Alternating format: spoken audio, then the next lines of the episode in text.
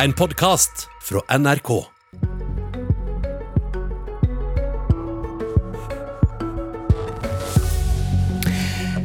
Når en kineser eller en russer vil kjøpe norsk skog, et gammelt gardstun eller et lite teknologiselskap, hva bør vi tenke da?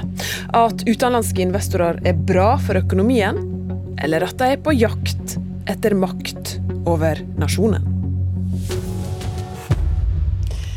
Morgen, vel møtt til Politisk kvarter, som i dag handler om penger og eierskap som truende våpen mot landet.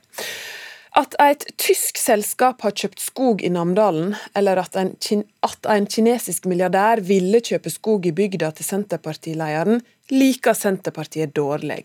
Ikke veldig overraskende fra den kanten, tenker du kanskje, men at det også uroer PST, er nytt. Oppkjøp og investeringer i norske selskap og eiendommer kan utgjøre en nasjonal sikkerhetsrisiko, skriver PST i sin nyeste trusselvurdering. Høyre har tidligere sagt at det er liten grunn til å uroe seg for skogen. Den er det ingen som kommer til å ta med seg til utlandet. Og ifølge statsminister Erna Solberg har heller ikke E-tjenesten varsla om at skogen i Namdalen er av sikkerhetspolitisk betydning. Senterpartiet og Høyre skal snart få debattere. Men Kristin Våge, du er siviløkonom og forsker ved Forsvarets forskningsinstitutt. Og du og to kollegaer har sett nærmere på nettopp denne problemstillinga, at oppkjøp og investeringer også kan ha skumle hensikter. Hva slags våpen er økonomi i, en, um, i et land som Norge? Ja, det stemmer. I forsvarssammenheng så har det vært vanlig å tenke på militære kapasiteter, eh, slik som jagerfly, stridsvogner og missiler. I dag ser vi at militær konflikt mellom stormaktene er sjelden, og at økonomien i stedet er en arena for å utøve makt og innflytelse over andre stater i internasjonal politikk.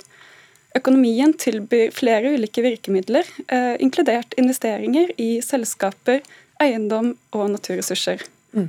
Slike virkemidler kan potensielt brukes av utenlandske stater for å påvirke politikk og beslutningsprosesser, eh, få kontroll over eh, varer og tjenester som er viktige for vår forsyning, eller på lovlig vis innhente informasjon kunnskap og teknologi eh, som vi ikke ønsker at land vi ikke har et sikkerhetssamarbeid med, skal få tilgang til. Mm. Vi må også huske på at eh, økonomiske virkemidler kan kombineres med andre typer virkemidler. Vi er særlig bekymret for langsiktige strategier som legger til rette for eh, fremtidige cyber- og påvirkningsoperasjoner, eller skaper avhengigheter som andre stater kan bruke som pressmidler mm. vis-à-vis Norge. Altså, Dette er rommet så mye, rett og slett. Men vi har egentlig i ganske liten grad diskutert håndtert dette? Har vi etter ditt syn undervurdert denne tematikken?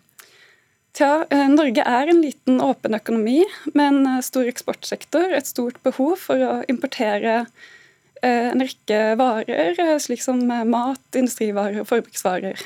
Investering, handel og finansielle transaksjoner på tvers av landegrenser har vært og er helt fundamentalt for norsk økonomi og velferd. Mm. Det er litt nytt for Norge at uh, nye aktører i verdenspolitikken, og kanskje spesielt Kina, kan uh, true vår sikkerhet gjennom økonomisk aktivitet. Mm. Det kan derfor være at uh, investeringer og oppkjøp tidligere har blitt gjennomført uten at sikkerhetshensynet blir gitt like mye oppmerksomhet som nå. Altså at det allerede har skjedd? ja. Blant annet så økte Kina sin tilstedeværelse betydelig i Europa etter finanskrisen. Mm. Eh, den teknologiske utviklingen eh, kan også skape nye utfordringer og sårbarheter eh, som vi ikke trengte å bekymre oss like mye for tidligere. Sant. Men er det da sånn, altså Én ting er hvis at noen prøver å kjøpe en fabrikk som driver med vedlikehold og leverer deler til Forsvaret. Det kan framstå ganske sånn åpenbart strategisk viktig for oss. Men bør vi også følge med la oss si hvis en kineser vil kjøpe et hotell eller en fornøyelsespark? Ja, dette Spørsmålet med hvor grensen går for hva vi trenger å følge med på eller ikke, er et uh, veldig godt spørsmål, og også noe vi uh, lurer på i vårt arbeid. I mm. utgangspunktet uh, vil nok de mer åpenbare objektene, slik som høyteknologiske selskaper, kritisk infrastruktur og annen virksomhet av avgjørende betydning for grunnleggende nasjonale funksjoner, være viktigere å følge med på enn f.eks. hoteller og fornøyelsesparker. Mm. Men samtidig så kan økt tilstedeværelse av en utenlandsaktør i den norske økonomien i seg selv skape ensidige avhengighetsforhold eller um, flere muligheter for um, at en fremmedstat kan innhente informasjon, kunnskap og teknologi ved at det rett og slett blir flere kontaktflater. Mm. Hver enkelt investering i seg selv vil ikke nødvendigvis dekkes av sikkerhetsloven, men summen av investeringene kan komme til å utgjøre en trussel mot norsk sikkerhet. Mm. Men igjen, så det er viktig også å ta hensyn til dette med at uh, slike bekymringer de må også balanseres mot viktigheten av å ha et åpent og sunt klima for uh, investeringer. Det er nok der dilemmaet ligger. Tusen takk skal ja. du ha, Kristin Våge, for at uh, du kom i, i studio. Um, som du var innom, var sikkerhetslova et viktig tema her. Det skal vi komme litt inn på. Men Emilie Enger Mehl fra Senterpartiet. Hvorfor er dere så redd for at en kineser skal eie norsk granskog? Vi mener jo at eh, norsk og nasjonalt og lokalt eierskap til våre naturressurser, skog, jord, fossefall og elver, er viktig. Eh, fordi at hvis vi først selger det ut av landet, så mister vi kontrollen ikke bare nå, men for all framtid. Vi mister kontrollen og muligheten til å f.eks. bruke tømmeret fra skogen til, eh, til, norsk industri. Vi risikerer også at, at vi legger til rette for en sikkerhetstrussel i framtida som vi ikke kjenner i rekkevidden av på nåværende tidspunkt. Men, men, har du noe grunnlag for å si at en kineser vil bruke skogen på en måte som vil kunne være en trussel for oss ja, sikkerhetspolitisk?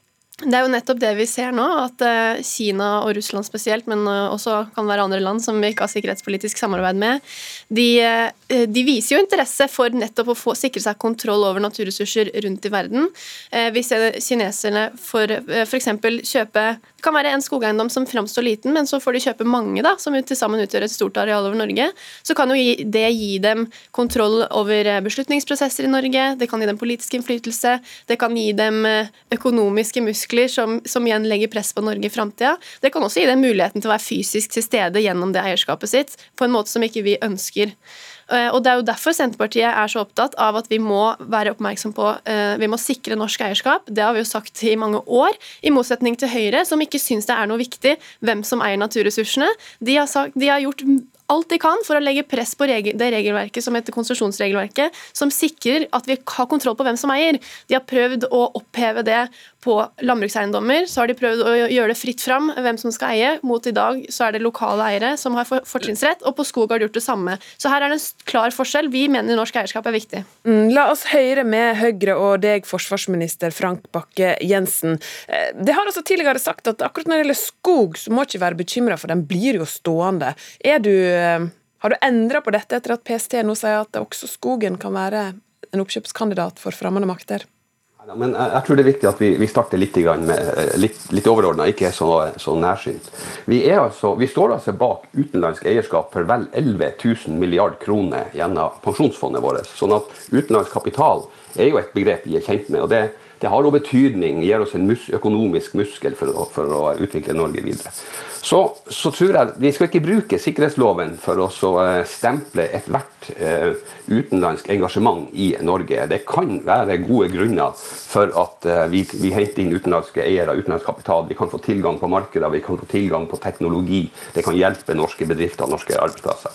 Så har vi fått vedtatt sikkerhetsloven nå Først, den er aktiv fra, fra, vedtatt fra 1.1.2018. Der vi tar opp akkurat den problematikken som, eh, som beskrives i innledninga til det, det, programmet her. At vi, det er et endra trusselbilde. Da er vi også avhengig av å ha et lovverk og ha metodikk for å sikre oss eh, at eh, infrastruktur eller teknologi eller kompetanse, eller naturressurser for den saks skyld, som, som kan i verste fall kan true norsk eh, nasjonal sikkerhet, det skal vi, det skal vi hegne om. Og, og Her er det et sånn interessant spørsmål jeg vil stille til deg, eh, Senterpartiet, Enger Mehl. Fordi, ikke sant, som, som, forsvarsministeren sier, vi har sikkerhetslova. Den gjør at vi kan stanse sal som vi mener er, eh, enkelt sagt, av um, sikkerhetspolitisk interesse for Norge å bevare eierskapet til. Mener da Senterpartiet at vi skal gå utafor den og stanse andre typer sal eller oppkjøp? Ja, Senterpartiet mener jo at det er mange eh, regelverk som er viktig for å sikre norsk eierskap. Altså konsesjonsregelverket som f.eks. odelsloven, konsesjonsloven, som gjør at vi har kontroll på hvem som eier norske skoger og landbrukseiendommer. Med sikkerhetspolitikk som grunngjeving? Ja, det, jo, det, er jo også noe vi ser nå. At uh, Politiets sikkerhetstjeneste, Nasjonal sikkerhetsmyndighet, faktisk sier at over tid uh, så kan dette her utgjøre en sikkerhetstrussel for Norge hvis vi, har, hvis vi, ikke har kontroll. Og det er jo da, jeg hører på eh, Frank Bakke-Jensen også, så er det jo det Høyre har jo en total eh, mangel på, eh, på, vilje til å diskutere eh, at norsk eierskap kan være viktig, både for å sikre oss kontroll over naturressursene i en økonomisk sammenheng, men også da i en sikkerhetspolitisk sammenheng. Ok, Bakke-Jensen, ta den. Ja, men altså, eh, det, det, det er en kraftig forenkling hvis, eh, hvis vi skal bruke konsesjonsloven som eksempel på det. Konsesjonsloven har mange ting, ting, med seg. Den fører jo også til at rundt 30 000 våningshus står og råtner for at ingen som kunne ha brukt dem til noe annet enn det konsesjonen sier de skal brukes til. Ok, Så gjør det litt enkelt tydelig, da, Bakke Jensen. Du er ikke så bekymra hvis en kineser vil kjøpe en gard på Stange og gjøre den om til et hotell, eller Det er altså av de tingene som jeg tror vanskelig skal være skal, kommer inn under en vurdering gjennom sikkerhetsloven. Men det vi har gjort, er at vi har sagt at det er et sektorprinsipp. Alle sektorene i Norge skal nå gjennomgå sin, eh, sin, sin aktivitet, sin, sin, eh, sin Eh, institusjoner, etater og aktiviteter. Og så skal man se hva i det treff innenfor uh, sikkerhetsloven. Hva kan i utgangspunktet være en trussel mot nasjonal sikkerhet. Vi gjør en kjempejobb på det, på det området. Men det å forenkle det her til at uh, det vil gjelde enhver utenlandsk krone som kommer til Norge for å investere i noe, nei, det mener jeg faktisk er en større fare for nasjonal sikkerhet enn, at en tysker kommer og kjøper skog i, i Namdal. Ja, her er det to ting. Det ene er jo at eh, det Frank Bakke-Jensen her nå sier, med at konsesjonsregelverket f.eks. ikke er viktig, det betyr jo at vi kan selge norske skoger, norske jordbrukseiendommer, bit for bit til eh, enten det er eh, altså til utenlandske interesser, og det syns Høyre er helt greit. Og for så ble det jo solgt nå i fjor høst en skogeiendom som er større enn Oslo fylke, til Tyskland.